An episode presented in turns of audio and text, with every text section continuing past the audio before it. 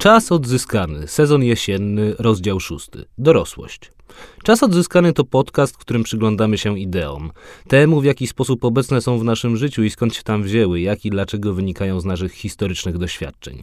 Pretekstem do każdego spotkania są ostatnie wydarzenia, społeczne bądź polityczne, kulturalne bądź popkulturalne. W tym odcinku wydarzenie to Babies, nowy film Andrzeja Saramonowicza, który prowokuje do spytania, czym jest dzisiaj dorosłość, czym jest dzisiaj dojrzałość, jak podejście do nich zmieniło się w ostatnich latach i czy cnoty i czegoś, czym należy się chwalić i z czego można być dumnym, bycie dorosłym nie stało się raczej czymś, co należy ukrywać i czego należy się wstydzić. I właściwie czym dojrzałość bądź dorosłość w ogóle jest? Odpowiedzi można szukać u psychologów. Wedle Heinza Wernera dorosłymi są osoby, które cechują się niezależnością ekonomiczną i odpowiedzialnością. Adekwatnie do swojego wieku uczestniczą w życiu kraju, w którym mieszkają i troszczą się o najbliższych. Według C.G. Cooginsa z kolei dorosłość to proces, który objawia się w zmieniających się postawach postawie wobec samego siebie. Osoby dorosłe cechować ma duża samoświadomość i adekwatna samoocena, gdyż zaniżona i zawyżona jest barierą oraz koncentracja na rozwoju. Postawie wobec innych, bo dorośli ich rozumieją, odczuwają z nimi solidarność i darzą szacunkiem, postawie wobec świata i życia, bo dorośli angażują się w sprawy swojej wspólnoty, oraz postawie wobec wiedzy i jej zdobywania, ponieważ wiedzą, jak rozwiązywać problemy. Wydawałoby się, że wszystkie te cechy są czymś, do czego powinniśmy dążyć i z czego powinniśmy się cieszyć. Co jednak, kiedy podobnego rodzaju dążeniom bardzo mocno przeciwstawia się rzeczywistość. Według statystyk HRE Investments z końca 2021 roku 2,6 miliona dorosłych Polaków mieszka z rodzicami. To prawie 200 tysięcy więcej niż w roku 2019. By uczynić tę liczbę nieco mniej abstrakcyjną, można powiedzieć, że własnego mieszkania nie ma co trzeci trzydziestolatek. Czy można więc być dorosłym, nie mając gdzie mieszkać albo wydając 3 czwarte pensji na współdzielony pokój? Inny przykład. Według danych GUS co piąty Polak powyżej 18 roku życia żyje w pojedynkę. Czy można być dorosłym, nie zakładając rodziny i nie wiążąc się z nikim na trwałe? Pomijając oczywiście tych, którzy faktycznie preferują taki model, ich jednak wedle statystyk jest mniejszość. Przykład jeszcze inny. Frekwencja wyborcza, która rzadko kiedy jest w naszym kraju imponująca. Czy można być dorosłym, nie odczuwając imperatywu wpływania na to, co dzieje się w Polsce? Takie powody nie tyle niechęci, co niemożności osiągnięcia wyruszników dorosłego życia stworzonych jeszcze w XX wieku, to przede wszystkim powody ekonomiczne. Skoro trudno osiągnąć ten podstawowy, czyli mieszkanie, nie można osiągnąć także tych, które następują po nim założenia rodziny i troski o losy kraju. Te dwa ostatnie to luksus, który przychodzi po zapewnieniu tego pierwszego. Warto jednak wspomnieć także o tym, że choć na pozór atrakcyjne, dorosłość i dojrzałość niekoniecznie kojarzy się z czymś, do czego warto dążyć. Im głębiej wchodzimy w trwającą od kilku lat wojnę kulturową, tym mocniej widzimy, że pokolenie dzisiejszych dwudziestolatków, więc ludzi, przynajmniej według prawa dorosłych, na dojrzałość patrzy niechętnie. Stwierdzenie brzmiące OK boomer, czy też w wolnym przekładzie gadu gadu stary dziadu, w ostatnich latach stało się chętnie powtarzanym szlagwortem. Jego sens jest mniej więcej taki. Starsza generacja, a stwierdzenie kto do niej należy jest właściwie zawsze w gestii stwierdzającego i nie cechują go żadne obiektywne kryteria, więc generacja ta nie rozumie współczesnego świata.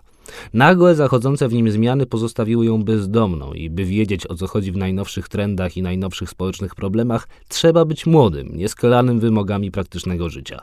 Trzeba więcej czuć niż rozumieć.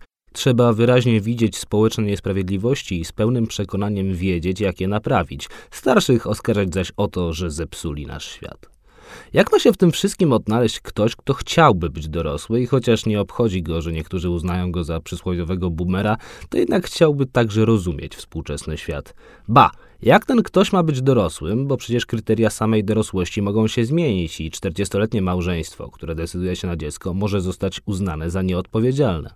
Do rozmowy na ten temat zaprosiłem Andrzeja Sramonowicza, fabuła którego filmu wynika właśnie z takiej sytuacji i nie wiadomo, kim są tytułowe babies. Czy to noworodek, który pojawia się w mieszkaniu głównych bohaterów, czy jego siostra, czy bez zobowiązań żyjący znajomi, czy może oni sami, którzy chcieliby spełnić stające przed nimi wymagania, zwolna jednak przestają mieć na to siłę, zwłaszcza, że najmłodsze pokolenie ocenia ich wysiłki jako pożałowania godne. Zapraszam do słuchania. Czy jesteście dorośli i chcecie tacy być, czy nie jesteście i się tego etapu boicie?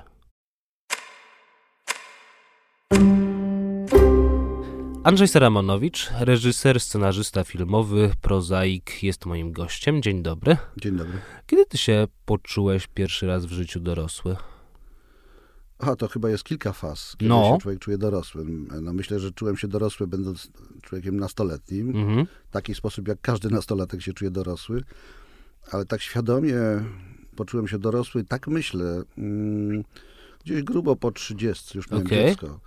E, I z czym to było związane? I to było zdziwienie, że dopiero teraz czuję się Aha. dorosły, a wcześniej, chociaż byłem dorosły, to tego nie czułem.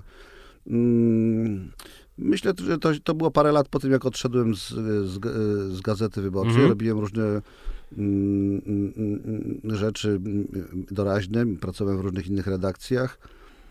Y, I już zaczynałem jakieś podejmować pierwsze próby scenariopisarskie. Mhm.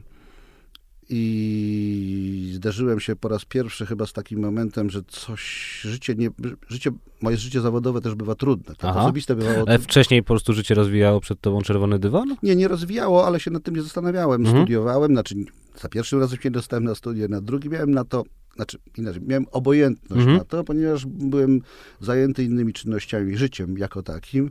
E, mm, Potem w trakcie studiów poszedłem do pracy do Gazety Wyborczej i zachłysnąłem się tego typu mm, dorosłością czy dojrzałością, która po, bo dostałem do ręki instrumenty. Znaczy. Nagle się okazało, że ja mogę, najpierw byłem dziennikarzem, za chwilę zacząłem być redaktorem i takim odpowiedzialnym redaktorem, to znaczy jednym z tych, który wydawał gazetę. E, Co jak na 26-latka, no to jest zawsze jakieś przeżycie. No. Tak? Nagle masz poczucie, że tam Tak. widzisz 800 tysięcy nakładu, bo wtedy tyle mniej więcej gazeta miała. I to znaczy, że jeżeli ty, ty powiesz, że to jest na czołówce, a to niżej, to tak się dzieje i tak ludzie będą to odbierać. To jest ten pierwszy moment, Mhm. że ja za coś odpowiadam i to jest jakby nawet przerasta moje wyobrażenie o tym, za co ja chciałbym odpowiadać. Ale to cię jakoś przeraziło wtedy? To, że, Nie, to, to że było odpowiadasz za to? To było ale potem, no to więc generalnie mm, ludzie się bardzo stresowali przychodzeniem do takich, ja myślę, że gdybym kilkanaście lat później, czy kilka lat później miał złożyć jakąś aplikację do takiej potężnej firmy jak Gazeta, to bym tego nie zrobił ze strachu. Mhm. Zanim się zorientowałem, że ja współtworzę tę gazetę, to już tam byłem. No bo takie były czasy. Yy, Ale potem się okazało, że wcale nie jest pod, po, yy, tak, tak, tak różowo, że odszedłem z gazety, muszę robić różne rzeczy, mam już dziecko, muszę zarabiać pieniądze, yy, zaczynam się zastanawiać nad sobą i też nad sobą zawodowo i nad sobą też jako powiedzmy tak mm, konstruktem społecznym, a także nad sobą jako mężczyzną. Mhm. I co, ale właśnie, właśnie z czym była dla ciebie ta dorosłość związana? Czy to była właśnie władza, jaką ty miałeś nad, no wtedy rzeczywiście gazetą, która miała 800 tysięcy nakładu? Czy to były pieniądze, które wtedy zarabiałeś? Czy to Nie. było poczucie odpowiedzialności za inne osoby, no z twojego gospodarstwa domowego? Czy co właściwie? Y, odpowiem anegdotą, ale ona No. wyjaśni. Anegdotą nie o sobie. Opowiedział mi pewien amerykański producent, że kiedy był młody i zrobił film, który przyniósł bardzo duży sukces, to spotkał się z szefem jednego z, jednego z wielkich studiów, starym producentem, takim jak Mhm. sobie tylko można wyobrazić. Taki, że lata tamten- 20, Cygaro, tak, Metro Goldwyn Mayer i tak dalej, no. mm, No, spotkanie dotyczyło dalej rozwijającej się współpracy, no, jakby w domyśle fantastycznej. Tak. I ten stary producent powiedział mu, niech pan mi powie coś o sobie, no to on mu zaczął powiedzieć to, tamto, siamto, wamto, a ten stary producent, niech pan mi powie, co się panu nie udało w Mhm. życiu. A tenże młody wtedy, ówcześnie producent powiedział, jak to nie udało? Mi się wszystko udało w życiu. I wtedy ten stary powiedział, to my nie jesteśmy gotowi na współpracę, niech pan przyjdzie do nas wtedy, kiedy panu się coś nie uda. Bo to znaczy, Mhm. że dopiero wtedy zaczynasz wiedzieć, kim jesteś. Jak ci się udaje, niczego nie wiesz. I ja myślę, że to były takie momenty właśnie w moim życiu, kiedy się zorientowałem, tę anegdotę, o której opowiadam, poznałem później. Ale że coś mi w życiu nie wychodzi i że nie wychodzi mi, dlaczego mi nie wychodzi? Przecież nie dlatego, że mi brakuje umiejętności, talentu, a może innych cech mi brakuje, może jestem zbyt gwałtowny, zbyt niecierpliwy albo nieuważny. E, Do tego nałożyło się też odpowiedzialność ta, która się bardzo silna. Mm, Myśmy długo z moją żoną zabiegali o dziecko, chcieliśmy mieć dziecko i mniej więcej 4 lata trwały te próby takie, kiedy już wiedzieliśmy, że jest problem i to chodziło o in vitro. Znaczy o różne inne próby, a także o in vitro. I w pewnym momencie człowiek się tak skupia na zadaniu. Potem to zadanie okazuje się, że udaje ci się to osiągnąć, masz dziecko, kochasz je bardzo, uświadamiasz sobie też pewną nieuchronność tej relacji, którą zawiązałeś. Znaczy uświadamiasz. No, że nie możesz z niej wyjść. Tak. Doświadczasz, że już jest nierozerwalna, tak? że ty już nie możesz tego rozwiązać. Wszystkie inne właściwie zobowiązania, które zaciągnąłeś jako człowiek, są rozwiązywalne. Nawet związek z każdym innym dorosłym no, człowiekiem. Można zmienić pracę, można się rozstać, tak, rozwieść. ale tak nie można dalej. przestać być rodzicem, Mhm. kiedy już się nim za, zostało, nawet, bo można zaprzestać być rodzicem, ale Ale nie można przestać nim nie stałem- być. przestać nim być. A I co- to były, Mhm. przepraszam cię, tylko dokończę, bo, bo i to były ta świadomość, tak? Czyli to wynikało ze świadomości, tak? Powiedziałbym, znaczy terapeuta by powiedział, że doświad... tak myślę, że doświadczyłem dopiero wtedy świadomości swojej śmiertelności, Aha. tak? Może Jak, tak jest. Jakie to było uczucie, że ty się nagle dowiadujesz, że umrzesz? Bo wydaje mi się, że każdy ma w życiu taki moment, kiedy rzeczywiście to odczuwa, bo niby wszyscy wiemy, że umrzemy, tak? To znaczy, że mm, kiedyś nas tu nie będzie, ale w pewnym momencie zaczynasz liczyć, ile lat ci zostało. Tak? Ja to miałem no nie tak dawno temu. W związku z przekroczeniem 30 nagle zdałem sobie sprawę, że no może jeszcze 40 lat na tym świecie mam przed sobą, ale nie więcej pewnie, tak? E, to była wiedza, która mnie zmroziła. No to widzisz, widzisz też, jak różne są ścieżki. Tak, mówisz o tym, że doświadczyłeś tego myślenia po 30, a ja ci opowiadam, że ten proces, który się Mhm. rozpoczął, był u mnie po 30, koło 34, koło Jezusowego wieku mniej więcej Mhm. zacząłem się nad tym, znaczy dotarło to do mnie, czy też dopadło mnie, tak? Dopadły mnie tego typu myśli. Yy, ale wtedy się inaczej myśli o śmierci, bo ciągle nawet ten bilans taki statystyczny wychodzi, że jak się tam uchowasz, to masz jeszcze większość przed sobą. Ja mam dzisiaj 57 lat, Mhm. no przy największych chęciach nie mogę powiedzieć, że mam jakąkolwiek większość. Nawet, nawet mam zdecydowaną mniejszość przed sobą. E, więc mam inny stosunek do śmierci niż miałem wtedy, kiedy sobie pierwszy raz uświadamiałem, że coś, nawet mówię w o pewnej metaforze wtedy, tak, no bo uświadamianie sobie własnej mm, ograniczoności jest jakimś sposobem na uświadomienie sobie swojej śmierci cząstkowej, tak. Nie chodziło o samą śmierć Mhm. jako taką. Dzisiaj... No, jeżeli że wysiadają jeżeli ci pytasz też o niektóre śm- części ciała po prostu. tak, jeżeli pytasz mnie o mój stosunek do śmierci dzisiaj, to ja próbuję z mniejszym lub większym skutkiem mm, dokonać, wywołać sobie pewien proces przyzwyczajenia się do tego, czy też adaptacji. Wychodząc z założenia, że jeżeli mm, wychowanie człowieka do dorosłości trwa mniej więcej kilkanaście lat, co najmniej, tak? Jeśli bo nie to, więcej. Jeśli nie więcej, to tyle samo powinien trwać proces przygotowania samego siebie do tego, że się umrze, czyli że się będzie znikać powoli, gwałtownie, tak, no bo oczywiście no, nagła śmierć rozwiązuje sprawę, ale śmierć, świadomość śmierci Mhm. czy odchodzenia, a proces starzenia się jest już takim, takim przyspieszonym momentem od, y, uświadamiania sobie własnego, własnej przemijalności, to na to się trzeba przygotować. Myślę, że nasza mm, kultura, w której jesteśmy, w ogóle, oczywiście ona tam jest zanurzona w śmierć, ale ona jest zawsze zm, zmitologizowana, Mhm. poddana jakimś celom. Y, jesteś ofiarą, składasz siebie jako ofiarę, albo mm, nie ma co płakać i tak Mhm. dalej, i tak dalej. Natomiast że proces, nigdy nie jest śmiercią po prostu. sam proces umierania... Banalną, biologiczną. Tak właśnie, natomiast wiesz, wydaje mi się, że sam proces umierania, czy świadomość umierania, czy odchodzenia, czy przemijania, jeżeli się ją uświad- jeżeli sobie ją jakoś uświadomisz, to taką mam nadzieję, że to, to wywoła, to mm, też mm, zminimalizujesz cierpienie, które Mhm. nosisz w sobie. A to ciekawa rzecz, którą mówisz właśnie o tym, że w naszej kulturze śmierć jest zawsze po coś, bo przypomniało mi się jak 7 lat temu, e, wiesz, umarł Jan Kulczyk i od razu się zaczęły wszystkiego rodzaju teorie spiskowe, że o co chodzi i tak dalej. Przypomniał mi się wtedy e, fragment z Reymonta z Ziemi Obiecanej, kiedy umiera Buchholz i po prostu cała łódź jest rozplotkowana i tak dalej, i tak dalej i Raymond konkluduje akapit o tym, że i nikt z nich nie chciał uwierzyć w śmierć, tę, tę najprostszą, która wzięła jego tak, jak weźmie każdego z nich, nie? Znaczy, że w przypadku niektórych osób, takich osób na świeczniku, e, nie chce się wierzyć w to, że ich umieranie jest zwyczajnie ludzkie. No bo, no bo właśnie mamy taki, a nie inny stosunek do śmierci. Yy, I im, powiedziałbym, znaczniejsze osoby umierają wokół nas, wcale to nie muszą być najbliższe nam, Mhm. bo wtedy to jest innego rodzaju tragedia, ale tym bardziej szukamy racjonalnej odpowiedzi, dlaczego umarli. Po coś, tak? Co się stało w katastrofie, po co, znaczy po co zginęli ludzie w katastrofie tak. smoleńskiej, po coś, żebyśmy się ostrząs, żebyśmy coś zrozumieli, otrząsnęli Albo się. królowa Elżbieta umarła, Albo, żeby skończyła tak. się monarchia Wielkiej no, no na przykład, że oto są po coś. Jak robiono jakieś, czytałem kiedyś o takim e, eksperymencie socjologicznym, który robiono y, y, y, pokazując ludziom mm, sfalsyfikowane informacje o katastrofie samolotu, gdzie zginął prezydent skądinąd, państwa tylko afrykańskiego, żeby, żeby zachować pewne oddalenie tych, którzy mhm. byli badani od rzeczywistego wydarzenia. I było, pokazywano im spreparowane gazety, w których była opisana ta śmierć, wypadek e, lotniczy, gdzie zginął ten prezydent i cała masa różnych ludzi. I zadawano pytania, o, o to, czy to jest, yy, jakie były przyczyny tej śmierci. I oczywiście jest tak, że jeżeli on się pojawił jako prezydent, to uznawano, że jest celowa śmierć. Mhm. Znaczy prezydenci nie giną przez przypadek. Giną okay. w, albo w zamachu, znaczy, że jest świadoma, że ktoś za tym stał. Nie może być tak, że to po prostu przypadek. Nie może być tak, że po prostu przypadek spowodował, że, że śmigłowiec z, z premierem Leszkiem Millerem spadł. Szczęśliwie Miller się nie zabił. Takie rzeczy się nie mhm. wydarzają im. Tak? Kulczykowi, Kulczyk nie może umrzeć, tak?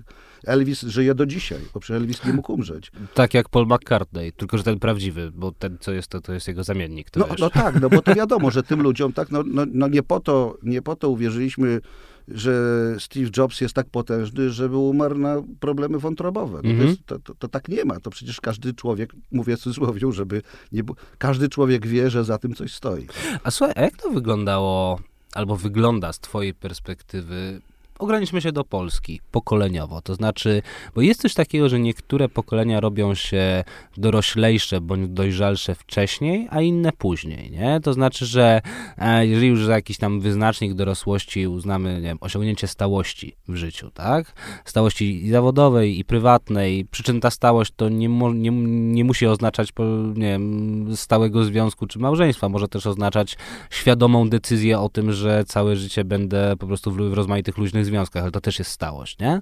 A, no to właśnie jak różne pokolenia w Polsce to przyjmowały? Jak przyjmowało to twoje pokolenie? Bo ty jesteś z tego pokolenia takiego złotego, które wiesz, około dwudziestki właśnie wyszło z mm, jakimiś umiejętnościami w gospodarkę wolnorynkową i nagle no, mogło mieć taki wyznacznik dorosłości, jakim też są pieniądze, że możliwość zbudowania sobie domu czy kupienia mieszkania, miało je właściwie na wyciągnięcie ręki. Tak, no bez wątpienia, jak dzisiaj na to patrzę, to mogę powiedzieć, że należę do mm, mm, pokolenia szczęściarzy. Tak? No. Ani to nasza zasługa, ani wina, ale tak jest, opisowo tak jest, dlatego że myśmy kiedy nastąpił, nastąpiła ta przemiana 89 roku, ja miałem akurat 24 lata, byłem studentem, motylkowatym studentem mhm. historii, który po prostu studiował dla samej przyjemności, ponieważ gdyby komuna miała istnieć, to ja się w ogóle nie zastanawiałem nad tym, co ja mam robić. Ja byłem naturalnym freakiem. Ja wiedziałem, że ja się zmarnuję. Chodziło tylko o, powiedziałbym, jakość zmarnowania się, że nic mnie nie czeka, nie, ani żadna kariera, ani, że jedyna rzecz, którą mogę robić, to być takim intelektualnym dysydentem. Tak? Nawet, nie, nawet nie chodzi o to, żeby chodzić i mhm. protestować, tylko żeby żyć w dystansie. Ja jestem outsiderem w związku no, że taka migracja I nagle się okazało, że myśmy dostali instrumenty. I to, co mówisz, ja bym tylko zwrócił istotną uwagę na rozróżnienie. To znaczy, ty powiedziałeś, żebyśmy mieli możliwość zbudowania sobie tam pewnej podstawy materialnej tak. i tak dalej, i tak dalej. Tak, ale myśmy w ogóle, przynajmniej ja tak wiem, nie, to nie było istotne. Istotna była możliwość, to znaczy dostałeś możliwość robienia rzeczy istotnych, czyli potwierdzania siebie jako jako indywiduum. Tak? No to dla mnie było wszystko jedno. Tak jakby mi powiedzieli, że ja mam zarabiać grosze, może nie byłbym szczęśliwy, ale robiłbym to za grosze. Mhm. Bo prawdę mówiąc, na początku gazety pracowałem za grosze. Potem się okazało, że jak jestem redaktorem, to dostaję pieniądze, które są pieniądzami, których ja się nie spodziewałem. Mhm. Ja, ich nie, ja, ja ich nie oczekiwałem. Tak jak nie oczekiwałem zresztą regulaminów. Tak? W związku z tym dzisiejsza dyskusja, która się odbywa w Polsce o tak zwanej kulturze zapierdolu. Mm -hmm. Przepraszam, że mówię to słowo, ale nie, nie, okay, zostało Mo ono sformułowane inaczej. Ono funkcjonuje w mediach. Jest bardzo trudna, bo młodsze pokolenie mówi, że jest czymś okropnym w ogóle powoływanie się na coś takiego, ale z drugiej strony Oczywiście, jeżeli to jest pouczanie, przyuczanie, że wy musicie robić tak jak my, to jest to jest to, mm, tak, tak się nie powinno robić, ale samo przywołanie jako swoje własne doświadczenie no nie jest niczym nieuczciwym, bo nie umiesz opowiedzieć Mhm. inaczej o tym, jak myślałeś. Mnie było wszystko jedno, czy ja mam pracować 8 godzin, 10, 12, czy te y, y, matczakowskie 16, tak? Y, czasami się zdarzało, że człowiek pracował 16 godzin na dobę. Oczywiście nie codziennie, ale było tak, bo to była pasja, tak? Znaczy to się robiło, a te pieniądze... No ale pracowałeś też na własne nazwisko. Plus jednak, no jeśli już robisz 16 godzin na dobę, no to słuchaj, ale chcesz to, się, mieć ale to, było, to przyszło po paru latach, kiedy Aha. zaczęło się to wszystko porządkować, tak? Więc pod tym względem oczywiście jest tak, że ja mogę powiedzieć, ja studiowałem historię i nagle się okazało, że my imprezując, pijąc, spotykając się po prostu na, na, na mniej lub bardziej, oczywiście rozwijając tę swoją, nazwijmy to, karierę studencką, nagle dostaliśmy wszystko, jeżeli tak mogę powiedzieć, tak? Bo z tego mojego, z tego mojego to je- jedni poszli do Urzędu Ochrony Państwa, inni poszli do dziennikarstwa, jeszcze inni poszli do jakiejś tam quasi polityki, jeszcze inni do biznesu i nagle się okazało, że w ciągu tam półtora roku, roku my zajmujemy zaskoczeni w ogóle sobą dość eksponowane miejsca. Osiągnęliśmy dojrzałość, zajmujemy stanowiska, jak śpiewał Jacek Kaczmarski. No tak, tylko że Mhm. oczywiście w, jako refleksję możesz to, możesz to y, opisać w ten sposób ironiczny. Ja dzisiaj też mogę o tym mówić w sposób ironiczny, ale wtedy nie zdawaliśmy sobie sprawy, bo trzeba zrozumieć jedną rzecz. Przełom roku 89 i 90 i kilka lat później to był czas pewnej w- wzniosłości, takiej, tak, takiej emocjonalności społecznej wyższego rzędu. To znaczy te wzruszenia... Przynajmniej Dzisiaj- w pewnej bańce, nie wśród tych, którzy na transformacji przegrali. No ale, ale ja nie umiem opowiedzieć po prostu, bo nie urodziłem się y, w, w PGR-ze. Mhm. Nie jestem y, tak, chociaż oczywiście jest tak, że ja, Nie, znaczy ja cię nie poprawiam ab- absolutnie w ten sposób, że chcę jakoś twoją indywidualną opowieść i twoje doświadczenie e, włożyć między bajki, tylko przypominam ci, że to jest tylko doświadczenie pewnej bańki, w której ty żyłeś. Nie, nie, bo samo słowo bańka, rozumiesz, to znaczy równie dobrze można powiedzieć, że ta bańka, w której żyłem, wcale nie była mniejsza niż bańka PGR-owska, tak? E, ona wcale nie była taka duża znowu z kolei. E, to nie jest tak, że, że było grono, y, że było 6% y, y, uprzywilejowanych i 94 nieuprzywilejowanych w Polsce. To jest nieprawda, to Mhm. jest kolejny mit. Ja na przykład w gruncie rzeczy, jak się przyjrzeć mnie, to ja jestem mm, beneficjentem czegokolwiek w pierwszym pokoleniu. Tak. Y, moja babcia y, ze strony matki ledwo co pisała. Tak? Pochodziła ze wsi pod y, Rzeszowem, była, skończyła trzy z klasy. Dziadek był dróżnikiem całe życie, moja matka się wyrwała stamtąd, tak? Część ich sióstr, jej sióstr się nie wyrwała, albo nie miała tyle śmiałości i w gruncie rzeczy została w tym miejscu i część mojej rodziny ma zupełnie inną historię, tak? Ja właściwie zawdzięczam wiele rzeczy pewnej dynamice mojej matki, która nieświadomie czuła, tak. Ona, ona, mi zas, ona mi zresztą, myślę, że jej zawdzięczam najwięcej, bo ona budziła we mnie, w, zbudowała we mnie pewną aspiracyjność. Mhm. Ja nie jestem z inteligenckiego domu. Y, Jestem z domu, w którym matka miała pewne inteligenckie ambicje, bo jej to imponowało. Jej to imponowało, sama tego nie osiągnęła i chciała, żeby jej dzieci to miały, ale to, to nie były pieniądze. To nie chodziło o pieniądze. Ona nigdy nie, tak, o to chodziło o wykształcenie. Ona zawsze była nieszczęśliwa, że ja porzuciłem studia. Właśnie, bo ty skończyłeś studia w końcu, czy nie? Nie, ja nie Masz skończyłem. wykształcenie średnie. Nie mam, nie mam, nie mam, e, trudno Że powiedzieć. się, zaba- że się zabawię w y, urząd statystyczny. Trudno powiedzieć. Znaczy, mam wykształcenie średnie, chociaż właściwie mam e, też i wyższe, bo właśnie mm, napisałem licencjat. Brawo. Gratulacje. Po, bo, Znaczy, bo, a to jest, to jest Jak do, mawiał Amerykanie, better late than never. Ale to jest dokładnie to, tak? Znaczy, ja próbuję, mając, ja tego nie potrzebuję do życia. Teraz. Absolutnie nie. Ja no. tego potrzebuję, ponieważ uświadomiłem sobie, ale to nie jest obowiązek, tylko pewien, pewna droga, że ja chcę spełnić życzenie mojej nieżyjącej od wielu lat matki, która nie może Mhm. się o tym dowiedzieć. Ale ja to chcę zrobić. Stać mnie na to, to znaczy stać mnie na to w dzisiaj, żeby się wycofać z pewnych rzeczy, albo kosztem innych, innych jakiejś wygody, że sobie nie pojadę gdzieś, to sobie poczytam, albo napiszę pracę.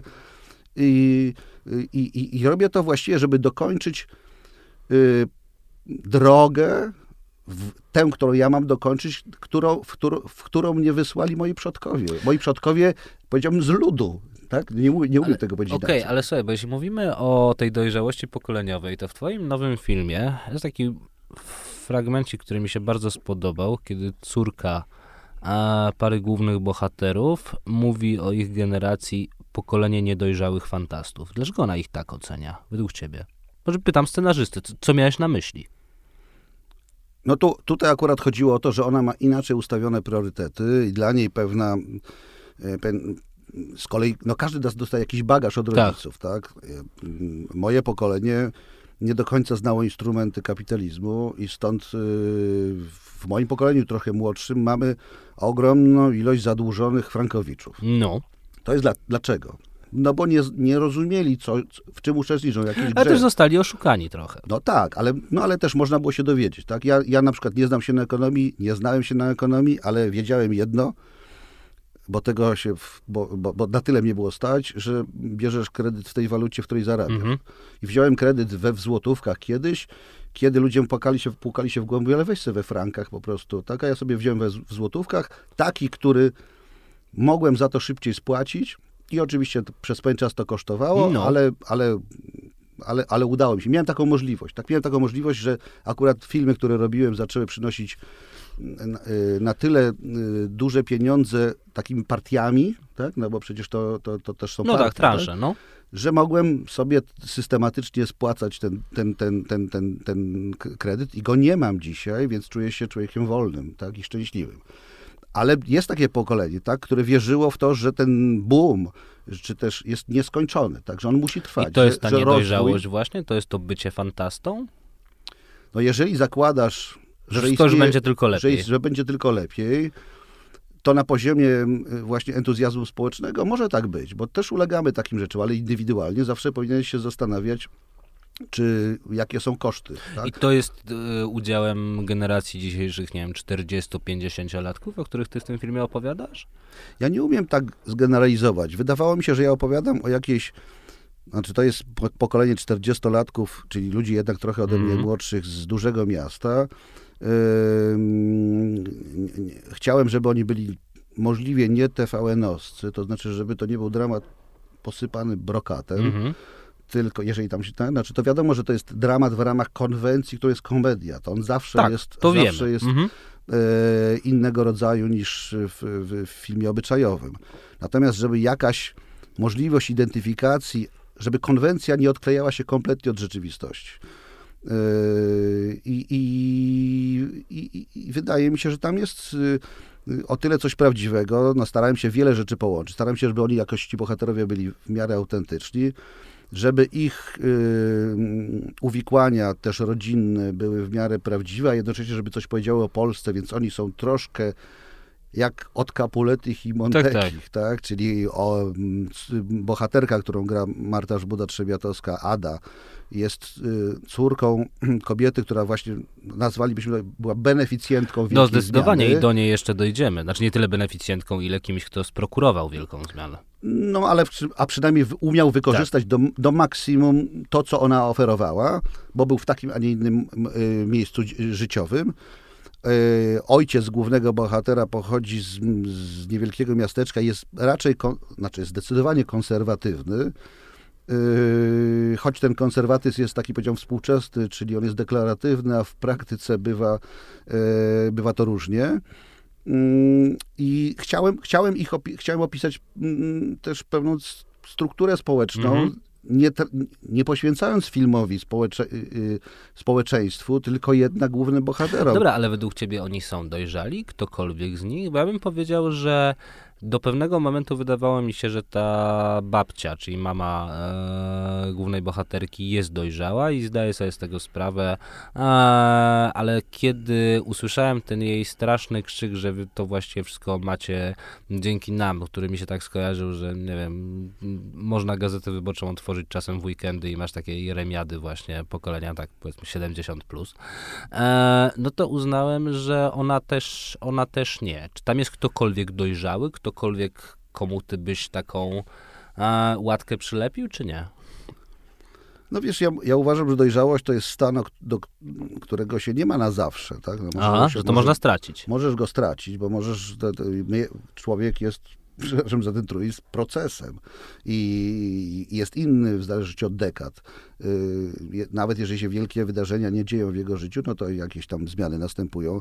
I bywa moment, kiedy stać nas na pełną odpowiedzialność, bywa taki, gdzie nas nie stać. Akurat ci bohaterowie, no, mm, których ja opisuję, y, wydaje mi się, że oni na końcu, to znaczy wybierając, przynajmniej ja tak to, mhm. ja, ja ich tak prowadzę, wybierając mm, mm, stan, w którym uznajesz, że musisz się pogodzić z rzeczywistością w pewnej sferze, nie walczyć mm -hmm. z tymi siłami. To jest tak jak z Aikido, tak? Jeżeli chcesz wygrać walkę Aikido, to musisz wykorzystać siłę przeciwnika, czyli w tym wypadku życia, tak?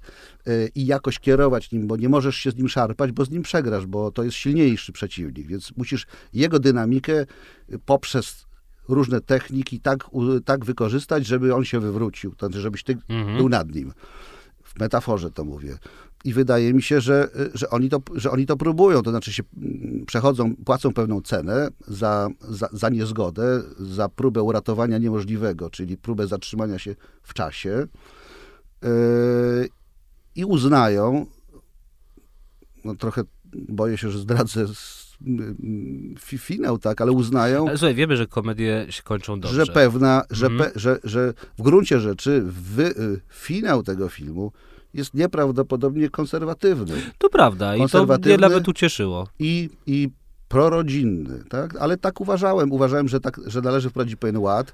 To jest jedna z propozycji, tak? Każdy sobie może żyć jak chce, ale, ale tu oni osiągają dojrzałość, tak? Pewnych rzeczy nie przeskoczymy, ale to nie znaczy, że to jest źle. A czy uważasz, że są na przykład dojrzałe i niedojrzałe zawody? Bo przypomina mi się scena, w której bohater grany przez Grzegorza Małeckiego e, opowiada bohaterce granej przez Michalinę Olszańską, dlaczego właściwie rozwiązał, wiesz, swój zespół na, na przełomie lat 80. i 90. i mówi, że wydawało mi się, że to jest takie mm, bardzo niedojrzałe zajęcie, że jest to bardzo niedorosłe zajęcie, a że teraz chciał być już odpowiedzialnym mężczyzną.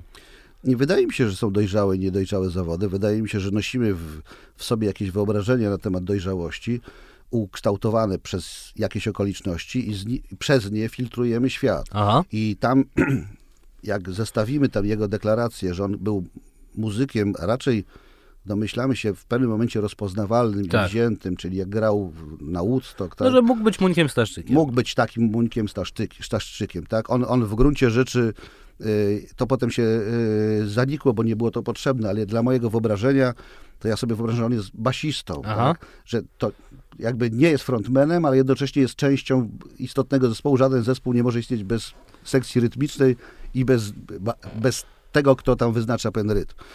I nie wydaje mi się, że to, że to jest, w tym jest coś niedojrzałego. Natomiast konfrontacja tego i tej jego wypowiedzi z jego innymi wypowiedziami na temat tego, jak został ukształtowany przez ojca, mhm. jakie miał jak, jak, został, jak został właściwie jego aspiracyjność być może, tak, on tego nie mówi wprost, ale można się domyśleć, w tej, tej, tej przestrzeni artystycznej została zniszczona, bo co to jest za zawód?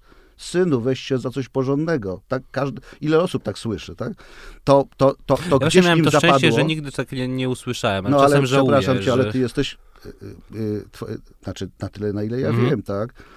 To ty mm, pochodzisz z inteligenckiego domu i twoi rodzice, czy twój ojciec zajmował się, no rodzice, tak, mm. zajmowali się taką działalnością, która właśnie nie bardzo odbiega od twojej, tylko ma inną formę. To też prawda, ale jak mówię, czasem żałuję, że nikt mi właśnie nie powiedział, że a może zrób coś e, konkretnego. Wiesz, jak w tej ładnej anegdocie o Leszku Kołakowskim, że go zapytali, czym on się zajmuje filozofią, on stwierdził, no bo żyjemy w takich czasach, że dobrze jest mieć jakiś konkretny fakt w ręku, no to to jest mój.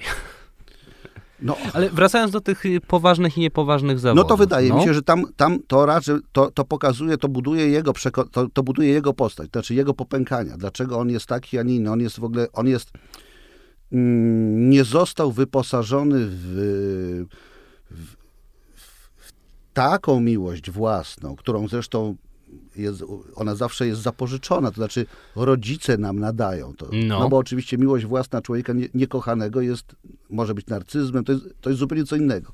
Ale w taką pewność, takie ukojenie, że jesteś tu i dobrze, że jesteś. żeby nie No bać nie się... jesteś zbędny. Tak, żeby nie bać się różnych y, y, wstydu, tak? Bo Mhm. to, to, no to wstyd, tak? No, bo może, może ojciec ma rację, tak? Fajnie było tak se pograć, ale ja już mam, mam tyle lat, co mam, wezmę się za coś porządnego. I to porządne okazuje się destrukcyjne, no bo jest porządne, ale, nie, ale, ale jednak jest, y, stoi w sprzeczności z tym, co ja noszę w duszy czy w sercu. A jaki właśnie wpływ na możliwość dorośnięcia, wiesz, e, ma, no właśnie to wychowanie, o którym mówiłeś, bo tam jest też ładna scena, a, kiedy e, bohater grany przez Małeckiego mówi, cytuję, z każdym laniem kurczył się we mnie człowiek, który miał dorosnąć, to jak miał dorosnąć, nie? kiedy opowiada o, o karach cielesnych, które, a, które, które mój ojciec, mu ojciec wymierzał. Jakie zachowania rodzicielskie? I pytam ciebie też jako rodzica już, y, z tego co pamiętam, dorosłej, dorosłej córki jednej. Dorosłych córek. tak, tak. A, jakie zachowania rodzicielskie sprawiają, że człowiek nie może dorosnąć? Czy to jest tylko takie, powiedziałbym, podtykanie wszystkiego pod nos, takie w stylu, nie wiem, tych, wiesz, włoskich bambocioni? E, czy coś jeszcze właśnie na drugim biegunie? Ja bym jeszcze to rozszerzył, bo on dorasta tak czy inaczej, tak? ale, ale nie może rozkwitnąć. Tak? To jest tak, że pewne, e, jakbyśmy, to, to możemy powiedzieć, mamy dwie, dwie rośliny. Wydaje się, że rośliny to właściwie to są tak. I, i, i dzisiaj, dzisiaj robi się eksperymenty, w których e, bada się taką okoliczność. Jest, są takie, które mówią, że jak się tylko podlewa i tam, y, ale się w ogóle w milczeniu podchodzi do tych roślin, to jest inaczej. Jak się do nich ciepło mówi, cokolwiek to absurd, jak, Mhm. jakkolwiek absurdalnie by to nie brzmiało, to one lepiej rosną na tym samym fizycznym fundamencie, tak? Czyli mają tyle samo wody i tyle samo tam y, tego mikroelementów. I myślę, że z nami też jest podobnie. Znaczy, może nam nie, nie, nie braknąć niczego, a w sensie fizycznym, takim nie- niezbędnym do materialnego przetrwania, ale nie zdoła w nas się rozwinąć człowiek jako konstrukt duchowy. Yy, czytałem o takim eksperymencie kiedyś, dziwnym.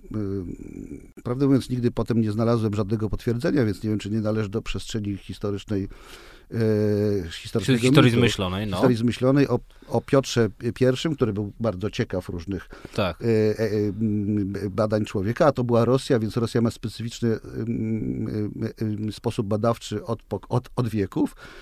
I że tam odebrano dzieciom, e, dzieci matkom i mamki je wychowywały i było dziesięcio, dziesięcioro dzieci w jednej sali, dziesięcioro w drugiej i w tej dziesięciu, gdzie było dzie, i- część tych dziesięciu karmiono tylko i wyłącznie mamki przychodziły, Aha. karmiły, nie wolno się im było do nich odzywać, a w dziesięciu, w kolejnych dziesięć było karmionych i, i było, była czułość im objawiana. I że większość tych karmionych umarła Okej. nie przetrwała. Y, to oczywiście potem nie znalazłem tego, więc nadal nie wiem, czy to nie jest. No ale tamte Przykład, czasy ale- obfitowały w takie eksperymenty. Tak, to ale, być, jak ale, ale, ale możemy Hausera. przyjąć, że to, i tutaj myślę, że to jest element niezbędny, więc yy, yy, rodzaj. Yy, no, mił, no miłość, tego nie inaczej się nie da powiedzieć. Mhm. Miłość. O, o miłości objawia, w, w miłości objawia się też szacunek. Yy, A powiedz mi, w jaki sposób dorosłość jest związana z męskością dla ciebie? Czy można być mężczyzną nie będąc dorosłym, czy wtedy jest się chłopcem? Czy też można być cały czas chłopcem będąc dorosłym?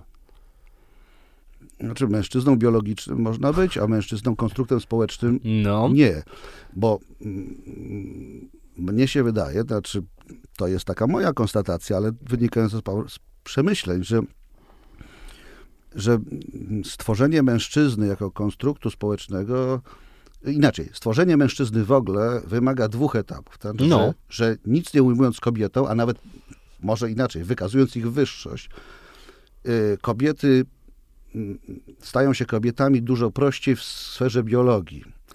E, Są pewne etapy tak. takie, powiedziałbym, graniczne, tak, I, mm, które się pojawiają.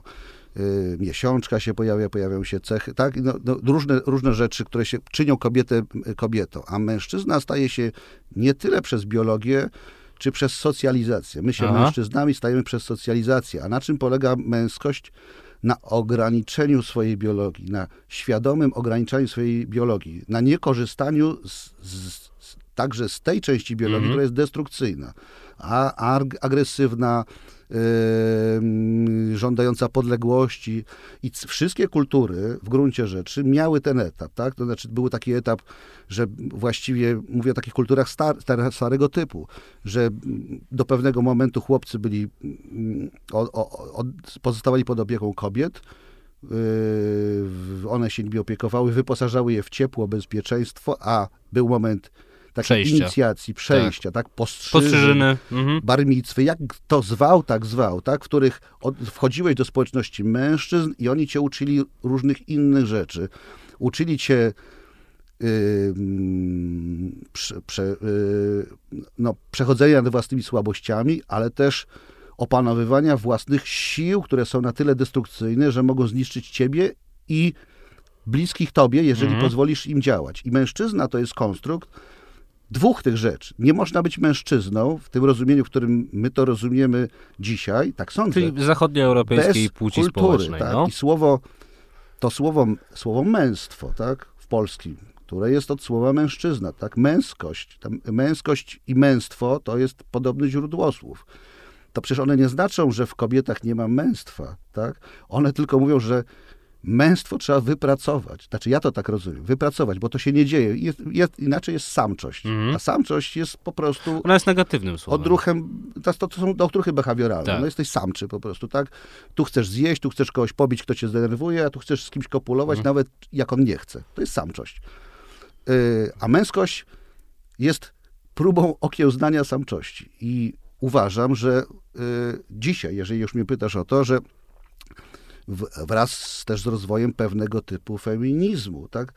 Troszkę sobie strzelamy w stopę, bo im Bo? bardziej emoc- im bardziej lekceważymy tę, to, że mężczyzn, mężczyzn trzeba y, też pozytywnie wychowywać, nie tylko poprzez, Mhm. znaczy, znaczy trzeba im dawać po prostu miejsce, znaczy to są, to są trudnie, które mają zadanie do wykonania. To sobie robimy krzywdę, bo, wychow, bo wychowujemy już same trudnie. Tak? Jeżeli kobiety przejmą jakąkolwiek inicjatywę w świecie, to, to mężczyznom zostaje tylko anarchia. Znaczy Nie, mężczyznom... no, dlaczego? Poczekaj sekundę. Bo yy, ja na to patrzę zupełnie inaczej, ale ja mam bardzo takie, powiedziałbym, postpłciowe spojrzenie. To znaczy, dla mnie naprawdę nie ma w życiu społeczno-obywatelskim najmniejszej różnicy, czy ktoś z kim współpracuje, albo ktoś, kto nie wiem, dzierży władzę jakiejś instytucji, jakiej jest płci. Tak? też Znaczy, jest mi to kompletnie obojętne. No ale to właśnie powiedziałeś, że jeżeli kobiety przejmą inicjatywę jakąś, no to mężczyznom pozostanie bycie trudniami. To się nie klei. Znaczy o tyle się klei, że jeżeli zrezygnujemy z uczłowieczania Aha. samca, a uczłowieczanie samca jest kulturowe, ale też nie polega tylko i wyłącznie na zabieraniu pewnych pól, ale także na dawaniu zadań, Mhm. no to mamy grupę niebezpiecznych wykluczonych, bym tak powiedział. Tak? A ty uważasz, że współczesny dyskurs jakoś zmierza w tym kierunku? No, dyskurs, dyskurs zmierza. Nie wiem, czy Aha. społeczeństwo zmierza, tak? Bo oczywiście tam, tam ta, ta, ta, ta, ta prze, bo, bo, bo dyskursy bywają też, są awangardą. Tak, tak. Coś proponują. Aha. Ale, Znaczy, bo trochę rozumiem, o czym mówisz. To jest coś, co zauważyłem jakoś ostatnio, jak e, sobie e, gadałem z moją koleżanką, która ma teraz e, dwójkę mm, córek bliźniaczek takich, no, mają teraz dwa latka chyba, dwa i pół nawet, e, która stwierdziła, że bardzo się cieszy, że właśnie urodziła dziewczyny, a nie chłopaka albo chłopców, z prostego względu, kiedy widzi, ile w przestrzeni publicznej jest, wiesz, zachęcania mm, dziewczyn do tego, że właśnie mogą zostać kim chcą, nie wiem, astronautkami, prezydentkami USA, whatever. Natomiast, że wszelkie mm, słowa skierowane do chłopców w przestrzeni publicznej to jest takie właśnie, możesz wyrażać swoje emocje i to okej, że to robisz, że dostrzega dosyć radykalną dysproporcję między, między jednym a drugim.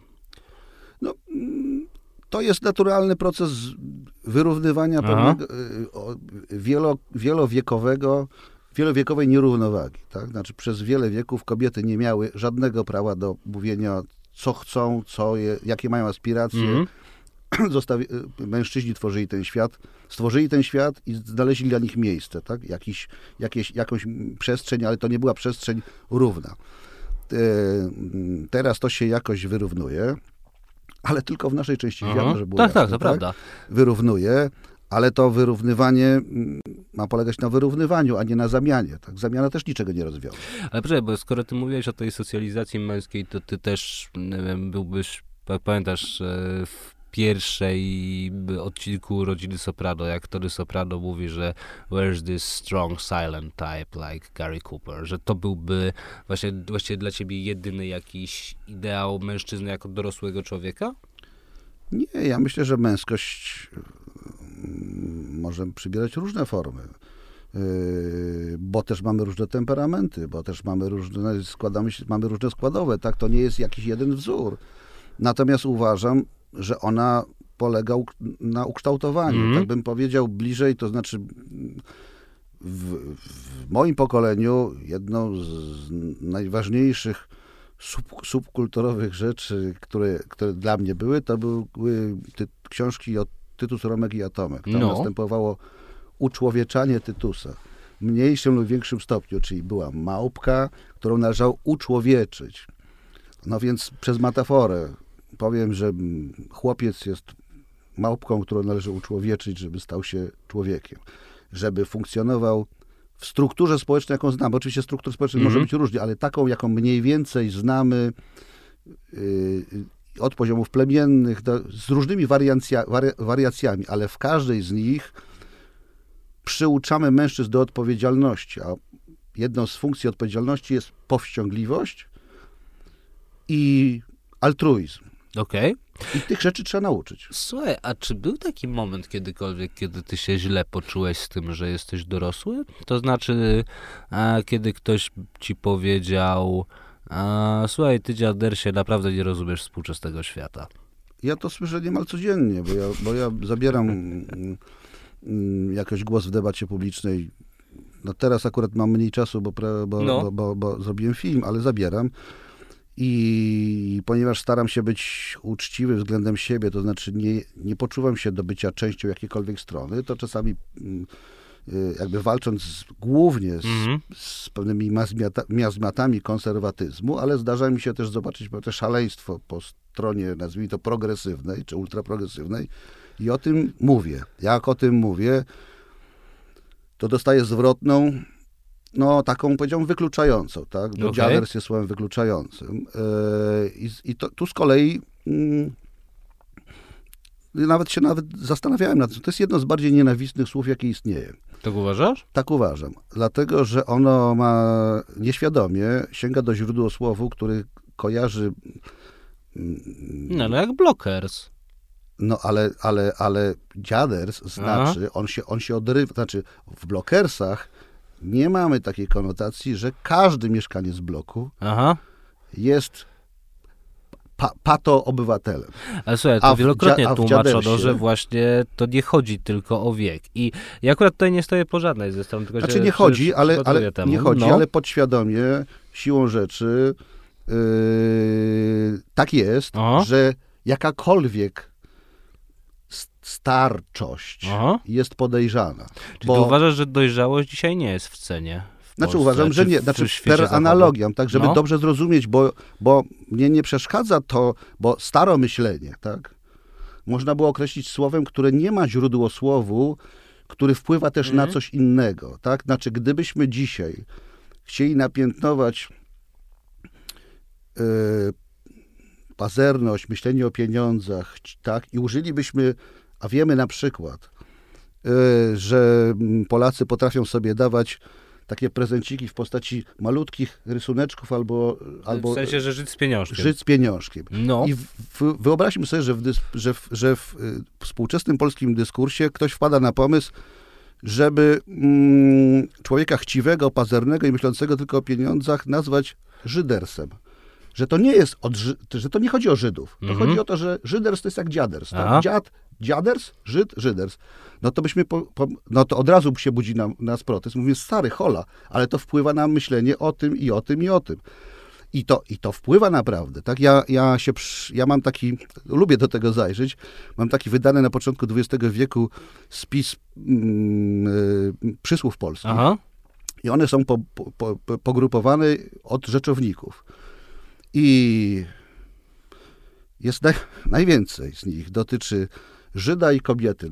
To jest około 100 przysłów polskich, już dzisiaj zapomnianych, e, dotyczących, gdzie jest Żyd i kobieta.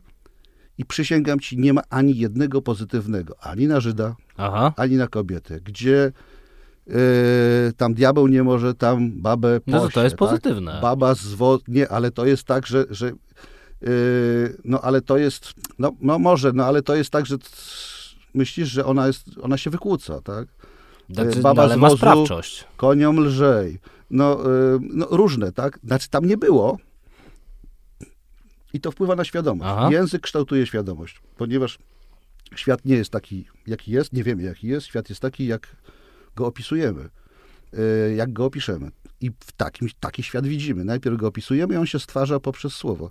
I ja uważam, że mm, są pewne słowa, które tak jak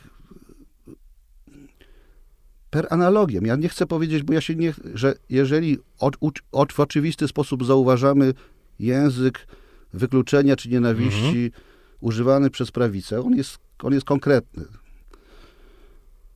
To bywa też język wykluczenia używany przez lewicę, czy też inaczej taki progresizm, tak? bo Mhm. nie chcę tej lewicy, tak, bo ja, ja w gruncie rzeczy jest mi dużo bliżej Mhm. do lewicy niż, niż, niż, niż do prawicy.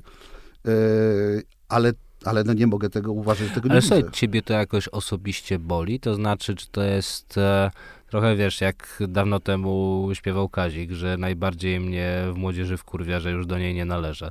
E, to znaczy, że jakoś, wiesz, że, no sam powiedziałeś, masz 57 lat, no i widzisz, że przychodzi zupełnie, wiesz, nowa generacja, dla której to, że masz 57 lat, co jeszcze, nie wiem, pół wieku temu byłoby jakąś wartością samą w sobie. W, ten, w, tym, w tym sensie, że byłbyś jako ten prawie 60-latek uznawany za kogoś, kto siłą rzeczy musi więcej wiedzieć o świecie. No to, że właśnie to, że ty jesteś w wieku takim, a nie innym, no to jakoś ciebie skreśla jako partnera do rozmowy. Ciebie to jakoś osobiście dotyka? Nie, nie dotyka mnie, bo ja, wydaje mi się, że ja rozumiem ten proces. Aha. On jest naturalny. To, są, to jest po prostu biologiczny proces wypierania jednego pokolenia przez Mhm. drugie. Tak? Istnieje w każdym plemieniu, jakie znamy, zwłaszcza w naczelnych, istnieją jakieś samce alfa, one tam mają pr- profity, profitami są też samice, tak? Y, y, czy dostęp do samic, możliwość zapładniania samic i dookoła czatują jakieś Mhm. młodsze byty i one tylko czekają, aż tamty ich się, tamci się wywalą. Sam tego doświadczałem, bo, bo pamiętam, jak boleśnie odbierałem pewne lekceważenie, które pokolenie starsze, starsze wszystko jedno. Dla mnie to było pewnym momencie, ja pod, widziałem różnice polityczne, ale Mhm. w sposobie traktowania takim, takim y, lekceważącym nie widziałem. Tak? Równie dobrze mi było wszystko jedno, czy, y, czy krzy, patrzy na mnie lekceważąco ktoś z, z, z takiej prawicy ZHN-owskiej, Aha. czy Kazimierz Kuc, tak? który też, tak? no bo oni jak, jakby czuli nadchodzące nowe pokolenie i, i, i wtedy bezwiednie i solidarnie trzymali się razem. Więc generalnie ja wiem, że moje pokolenie robi to samo. Bezwiednie i solidarnie trzyma się, ponieważ boi się tego, tego organicznego, mechani- znaczy na- tego naturalnego Mhm. mechanizmu zastąpienia. Ja nie mam z tym problemu. Jeżeli coś, z czymś mam problem, to z takim, mm, że bycie starszym y, daje też inny ogląd. Y, Inny w jakim sensie? Inny to znaczy... Że już nie jesteś tak radykalny i nie wznosisz Nie, transparentu, możesz nie rozumieć, ufaj nikomu po ró- 30? że możesz zauważać różne, tak, bo przeżyłeś też, No. widziałeś siebie w tamtej sytuacji, w której dzisiaj są ci i, i, i też wiesz, jak parłeś do tego, bo, bo to są dwie siły, tak, znaczy jedni bronią, Mhm. faulując i drudzy atakują, faulując, bo to jest natura, tak. Ja y, nie mam problemu, że ktoś fauluje mnie, usiłując mnie wypchnąć, tylko chcę powiedzieć, dobrze, tylko po, możesz popełnić taki i taki błąd, który w pewnym momencie będzie ci też przeszkadzał w dochodzeniu do pewnej Ale ty jasności. też będziesz faulował w takim razie, jak ktoś chce cię wypchnąć, czy raczej się dasz wypchnąć? Ale to zależy o czym mówimy tak naprawdę. Tak, znaczy mówimy o tym, że ja, ja, ja, ja, ja nie mam aspiracji do tego, żeby jakoś szczególnie, znaczy jeżeli przestanę być zapraszany do programów, Mhm. bo się okaże, że nie mam nic do powiedzenia, to osobiście oczywiście może być przykro, bo zawsze masz poczucie, to jest potwierdzenie tego, że jakoś tam się zwijasz, No. ale ja mam, ja nie mam takich ambicji, tak? Ja nie mam takich, ja nie mam ambicji yy, są, są, Bycia zawsze. Są na, nie, są nauczyciele, którzy mają se, nau, ambicje bycia nauczycielem, a są tacy, którzy chcą przekazać parę rzeczy. Aha. A co z tym zrobić? Tylko daj mi powiedzieć, tak? A zrób sobie z tym, co chcesz. A nie mów mi, że ja nie mogę powiedzieć, bo ja już, ja już nic nie mam, yy, że, że ja nic nie mam do powiedzenia, bo błąd, czy inaczej, mm, zagrożenie w dzisiejszym sposobie rozumienia polega na tym, że i, ten, i ten wspomniany już dziaders jest tego przejawem językowym, że starość nie ma nic do powiedzenia, jest zgniła, nie ma nic do powiedzenia. Wobec, a w młodości jest uczciwość, otwartość. No nieskalanie praktycznym wartość. światem. I to się zmienia, tak? Y, To się zmienia, bo mieliśmy, y, to, to bywa, a, a zmienia się dlatego, że no kiedyś to było naturalne, tak? To znaczy y, świat się zmieniał dużo wolniej, zawsze się zmieniał, ale dużo wolniej i ci starsi no jakoś mogli nam przekazać pewną wiedzę, której, Okej. której nie mamy. Dzisiaj świat, świat zmienia tak szybko, że młodości wydaje się, że ta starość nie ma już nic do powiedzenia, Mhm. tak? Bo ona jest, trzymając się metafory, analogowa, a my jesteśmy cyfrowi. Trochę ma. Y, Co do jakiegoś uniwersum, nie do rozwiązań, tak? Znaczy oczywiście ja nigdy nie będę tak y, sprawny w obsłudze swojego y, iPhone'a jak 4,5-latek. To, to Mhm. w ogóle nie mam ambicji takich, tak? Ale mogę powiedzieć temu 4,5-latkowi, czy 17-latkowi, czy nawet 20-parolatkowi, jak może skorzystać z tego urządzenia, docierając do pewnych treści. Tak? Okej, a jaką cenę się płaci za bycie dorosłym? Bo bohaterka grana przez e, Martę Żmudę-Trzebiatowską mówił cię w filmie w pewnym momencie my dziadersi żyjemy w gównie. Na czym to gówno polega? Co jest tak, co jest najgorszego w byciu dorosłym? Oprócz tego, że okej, wysiadają ci pewne e, części ciała, nie wiem, częściej chorujesz i tak dalej, i tak dalej. Ale bo wiemy, że dorosłość ma swoje, ma mnóstwo swoich zalet. Rzeczywiście fajnie jest być dorosłym. A jakie są wady? Oj, to wiesz co, ona, ona to mówi w pewnym kontekście. No ta tam właścicieli wegańskiej knajpy, którzy Tak, ona mówi, mają... my owszem tak, tak. żyjemy w gównie, ale wy też żyjecie w gównie, Mhm. tylko tego nie zauważacie. Eee, My, my żyjemy w, znaczy i, i, dojrzałość, czy dorosłość, jej, to co tam jest powiedziane jako gówno, a to znaczy, to chodzi o pewien rodzaj, powiedziałem, bagna, w które się Mhm. zapadasz. To jest to, że mm, jedną z trudniejszych rzeczy dorosłości jest zapanowanie nad tym, że właściwie skończą ci się nowe bodźce, czyli nie odkrywasz kosmosów, nie odkrywasz Aha. nowych światów. Najpiękniejsze, to co mnie, ja pa- zapamiętałem z, z młodości, jest to, że właściwie każdy nowy dzień daje ci możliwość odkrywania nowego lądu. Nie doświadczyłeś, doś, doświadczasz miłości, doświadczasz przyjaźni, do, poznajesz y, jakieś rzeczy y, dotyczące y, na- znaczy pierwszy raz się zachwycasz Mhm. jakąś podróżą, tak? Y, To nie chodzi o to, że, bo nie możesz, nawet jak pojedziesz w 100 miejsc, Mhm. To od pewnego momentu już jest tylko powtarzanie prawda, pewnego, pewnego tak. Schematu. schematu, tak? To znaczy, y, jak się zakochasz po raz 54, to się zakochasz po raz 54. Znaczy, jest to rzecz jasna na o to, pewno że- fajne przeżycie, ale nie tak e, uwznioślające jak za pierwszym Otóż razem. to. I trzeba umieć sobie z tym poradzić, tak? Właśnie nieumiejętność poradzenia sobie z tym, czy wymuszanie na sobie tej ciągłej ekscytacji, która jest naturalną Mhm. częścią młodości, bo młodość jest chłonięciem, tak? Jest takim pochłanianiem, może być niedobrym, może być dobrym, znaczy może być autodestrukcyjnym, może być konstruktywnym, ale jest chłonięciem, tak? Wchłanianiem świata w siebie. A potem już tego świata nie wchłaniasz, tylko jego poszczególne powtarzalności. I, to, I z tym jest bardzo trudno, bo to, jest, to się wiąże z nudą potem, tak? Z takim poczuciem, że nic mnie w życiu nie spotka. No, niby robię ciekawe rzeczy, już, Mhm. już byłem w dziesiątkach różnych rzeczy. Szukam nowych wrażeń. Nie znajduję, a nie znajduję yy, radości. Dlaczego nie znajduję radości? Bo próbuję na sobie wymusić ten entuzjazm, jaki miałem yy, w, kiedy byłem kimś innym. Tak? Byłem młody, byłem dużo bardziej otwarty, pewnych rzeczy nie wiedziałem, a dzisiaj ulegam złudzeniu, to znaczy próbuję zachować w sobie tego nastolatka, czyli osobę Mhm. otwartą na świat, a ja już nim nie jestem. I to jest, dojrzałość polega na tym, że musisz odnaleźć w sobie yy, satysfakcję z tego etapu życia, na którym jesteś, a nie wymuszanie na sobie bycia tym, kim już przestałeś być. A kryzysy, które to znaczy, się pojawiają? Rozumiesz, to Mhm, znaczy to tak, jest tak. tak, jeżeli ja, ja nie mogę być nieszczęśliwy z powodu tego, że mam siwą brodę.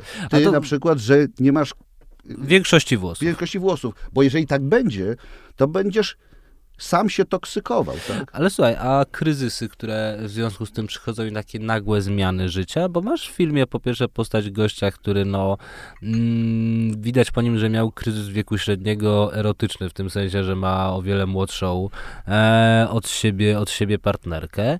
E, i też, jak patrzę na ciebie, to widzę człowieka, który w pewnym momencie dość radykalnie zmienił wizerunek, nie? To znaczy, ty właśnie sobie zapuściłeś brodę, e, założyłeś inne okulary i tak dalej, że jakoś wymyśliłeś siebie na nowo, przynajmniej w formie zewnętrznej, która też jest ważna. To znaczy to, jak chcesz siebie pokazać e, innym ludziom. E, czy one także są z dorosłością i dojrzałością związane? I Znaczy- czy należy się im poddawać, czy nie? Znaczy, w, w moim przypadku jest, nie jest to do końca, te cechy, o których mówię, Aha. nie są do końca prawdziwe, bo ja, mm, kiedy miałem lat y, 17-18, miałem brodę, tylko nie siwą, Aha. więc tutaj w, twoim, w tym kolorze, który ty masz i nosiłem ją przez wiele lat.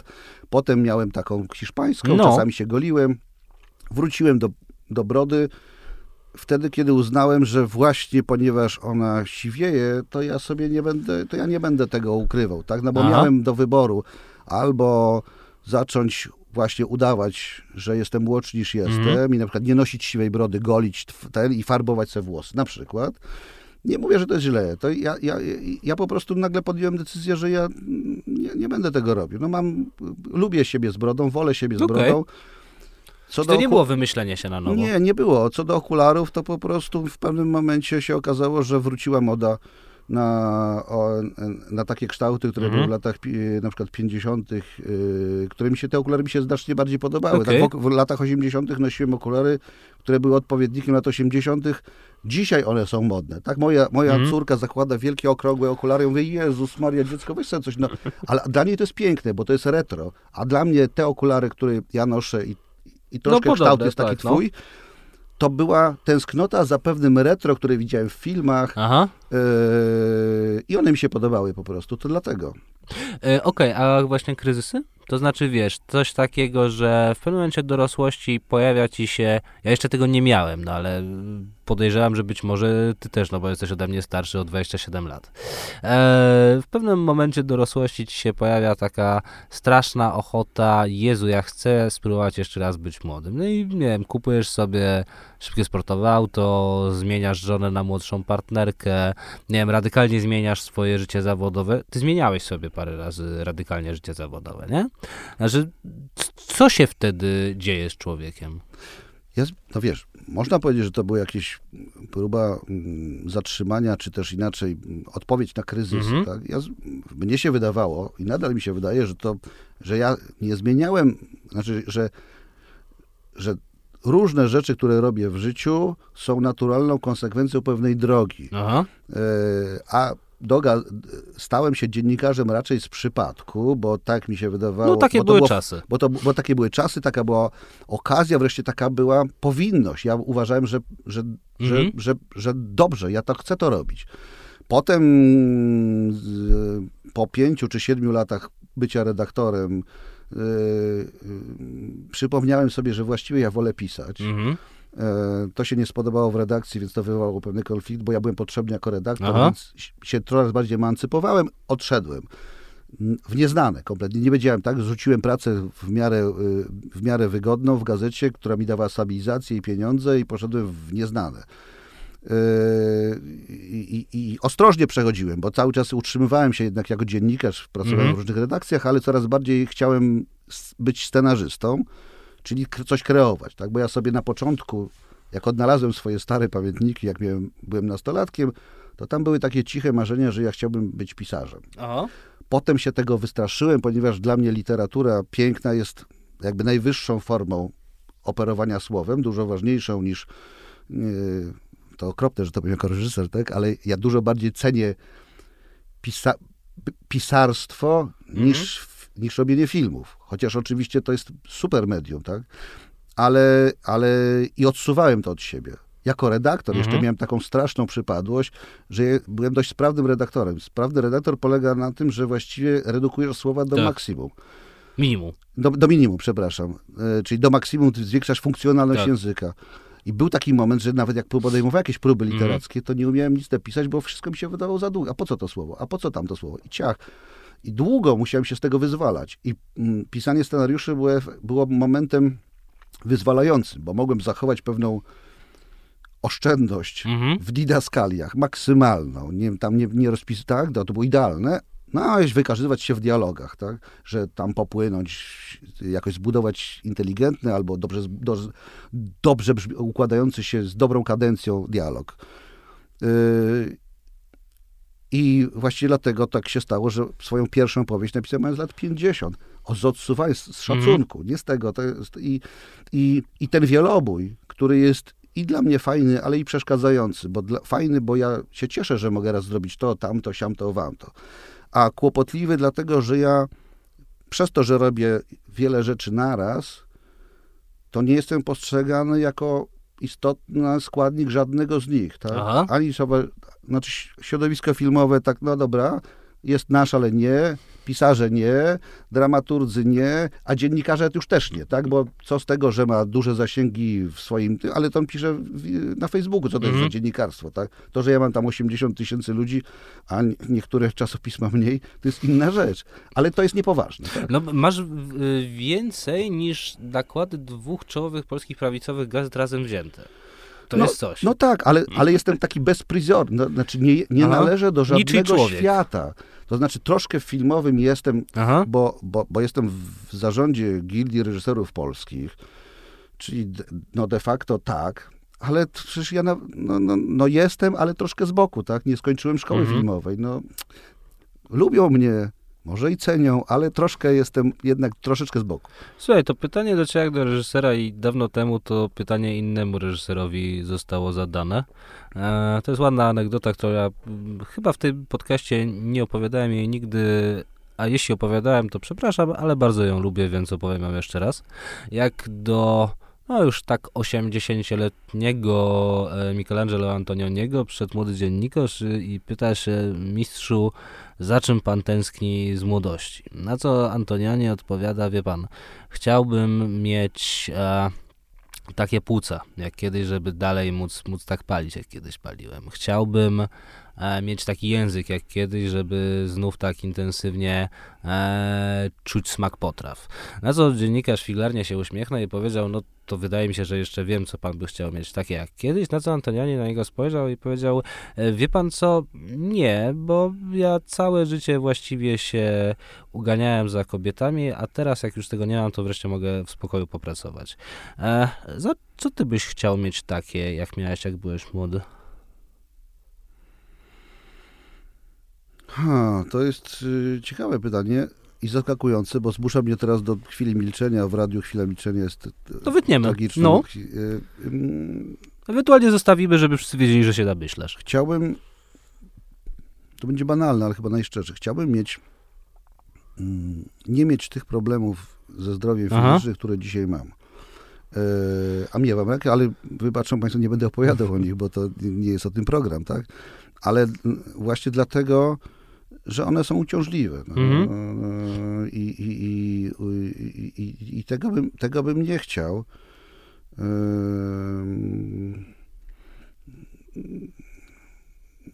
Chyba nic więcej, bo też, też prawdę mówiąc, ani moje dzieciństwo, ani. mm, O, no może chciałbym mieć ten entuzjazm i tę, tę, tę grupę przyjaciół, którą miałem. Mhm. Tak? Ja, jedną z najprzyjemniejszych rzeczy, które, które dał nam czas, w którym myśmy byli nastolatkami, czyli to było okolice stanu wojennego, było to, że myśmy się musieli siłą rzeczy socjalizować w sposób codzienny, ponieważ nie było żadnych innych atrakcji. Nic nie było.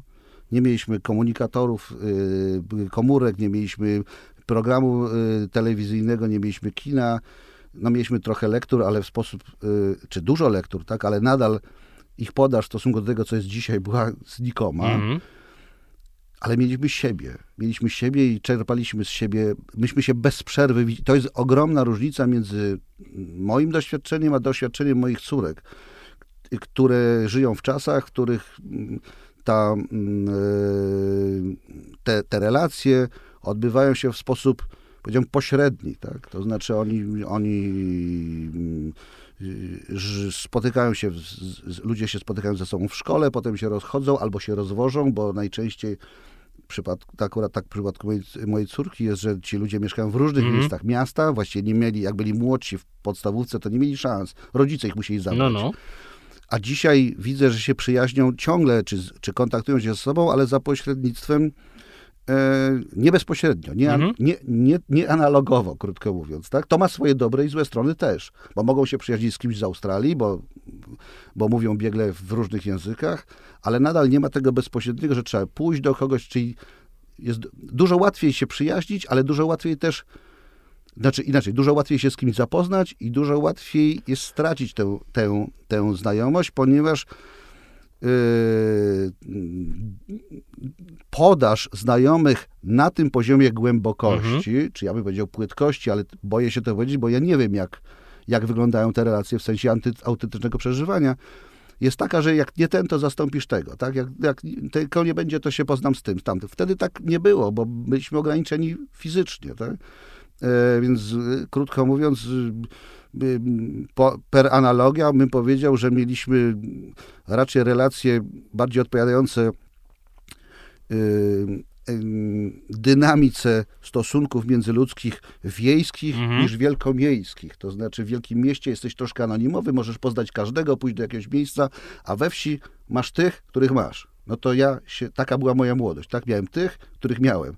I trzeba było nauczyć się żyć z, z ich dobrymi cechami, z ich złymi cechami, ale też yy, chyba jest to i, i, in, inny sposób do yy, yy, zawiązywania przyjaźni. Tak? Ja, ja, ja, ja, mam przyjaciół, których mam od szkoły pod, podstawowej, mm -hmm. z którymi ciągle utrzymuję relacje.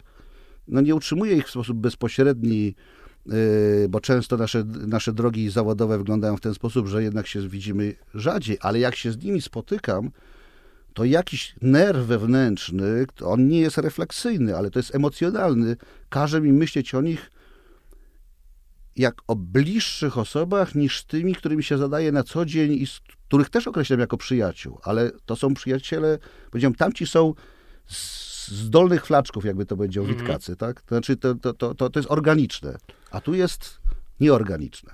No to tego ci właśnie życzę, bezpośredniości. Andrzej Saramonowicz, reżyser, scenarzysta filmowy, był moim gościem. Dziękuję bardzo. Dziękuję.